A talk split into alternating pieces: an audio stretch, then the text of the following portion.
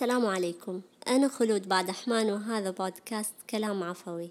هذا البودكاست خاص جدا جدا جدا لأصدقاء خلود. كنت حالمة لأقصى درجة وكنت أحقق الأحلام دائما. لا أعرف كيف مضت السنوات ثم أفقت على انغماسي في الواقع لدرجة مزعجة. غالبا أنا أدري كيف حدث ذلك ولكنه ليس بالأمر المهم. المهم أنه قد يحدث لأي أحد منا. عليك أن تتفقد قدرتك على الحلم وأن لا تنغمس بشدة في الواقع بمعيقاته وتحدياته ومشكلاته. الواقعية تجعلك ترى حدود اليوم وأقصى ما ستراه الغد. بينما الحلم يجعلك تتنبأ بالمستقبل أو قد تصنعه. تصبح سابقا لزمانك منفتح الاحتمالات والخيارات في يدك لا تنتهي. افتح قلبك وعقلك للحياة. أحلم فالقدرة على الحلم توازي الأمل. لا يمكن ليائس أن يحلم. فالأحلام لا تكون إلا لشخص متفائل يسعى بلا توقف وبعزيمة وإصرار. إن كان لهذه الأيام عنوانا فسيكون عنوانها استعادة القدرة على الحلم.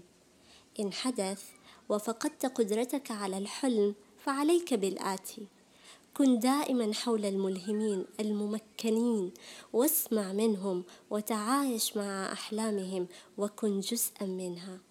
ابتعد عن المحيط الذي به نفس مشكلاتك ومعيقاتك وتحدياتك وتوقف عن التفكير بها بنفس الطريقة.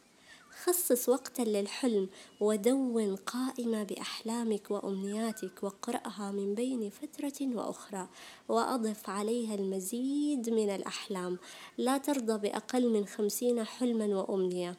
واستمتع وأنت تشطب على بعض منها بعد تحقيقه.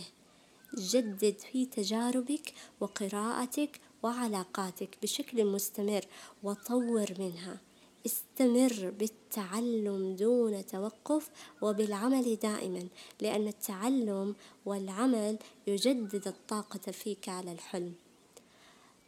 أحب بيت للبارودي يقول فيه فاقذف بنفسك في أقصى مطالبها إن النجاح بسعي المرء مرتبط. شارك أفكارك مع الحالمين وكن محفوفا بهم. لا تشارك فكرتك مع شخص يستسلم للواقع في أبسط أموره. لا تتوقع أن حياة الحالمين سهلة. إنها تتطلب الكثير من السعي والجهد والنفسية المرنة. حياة الحالمين تتطلب الجدية وأن يتجرأ الإنسان ليحلم. حقيقة لا يستطيع الكل أن يحلم على الرغم من أنها إمكانية متاحة للجميع. ولكن الشجاعة والجرأة تتيحها. يخشى البعض أن يحلم مخافة أن لا يستطيع تحقيق الحلم. العقل يتجنب كل ما يمكن أن يهز صورته أمام ذاته. عليك أن تعرف أنت تقترب من حلمك كلما كان تصورك له واضحا وقدرتك على الحلم جلية. فمن لا يستطيع أن يحلم لا يمكنه أن ينفذ. ثق دائما بأن الذي منحك القدرة على الحلم سيهبك القدرة على الوصول. اسعى واعمل وأحسن النية وكن دائما حسن الظن بربك. أخيرا ليكن لك حلم تسعى نحوه كل يوم فذلك يجعل للحياة معنى وقيمة. أحط نفسك بالحالمين لا تفقد قدرتك على الحلم. وإن حدث فانتبه واستعدها فورا لأن الحياة بدون الحلم تكاد تكون صعبة ومملة جدا. ابتعد ما استطعت عمن يزعمون واقعيتهم. مستسلمين لكل شيء. وكن في صف الحالمين.